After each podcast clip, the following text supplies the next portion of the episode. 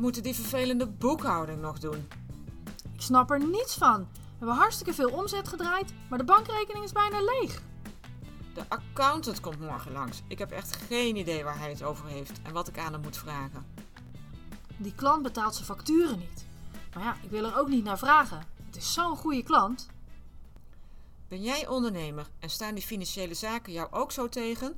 Dat is doodzonde. Wij, Antonia en Monique, werken samen al meer dan 40 jaar in het financevak en hebben van alles meegemaakt.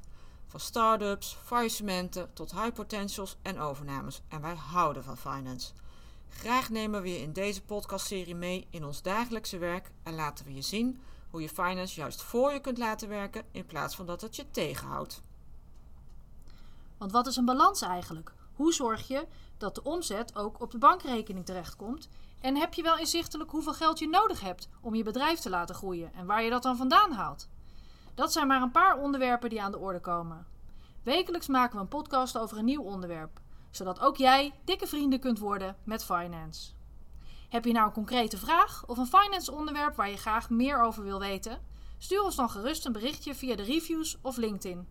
Dan pakken we het onderwerp in een van de volgende podcasts op. Suggesties vinden we superleuk.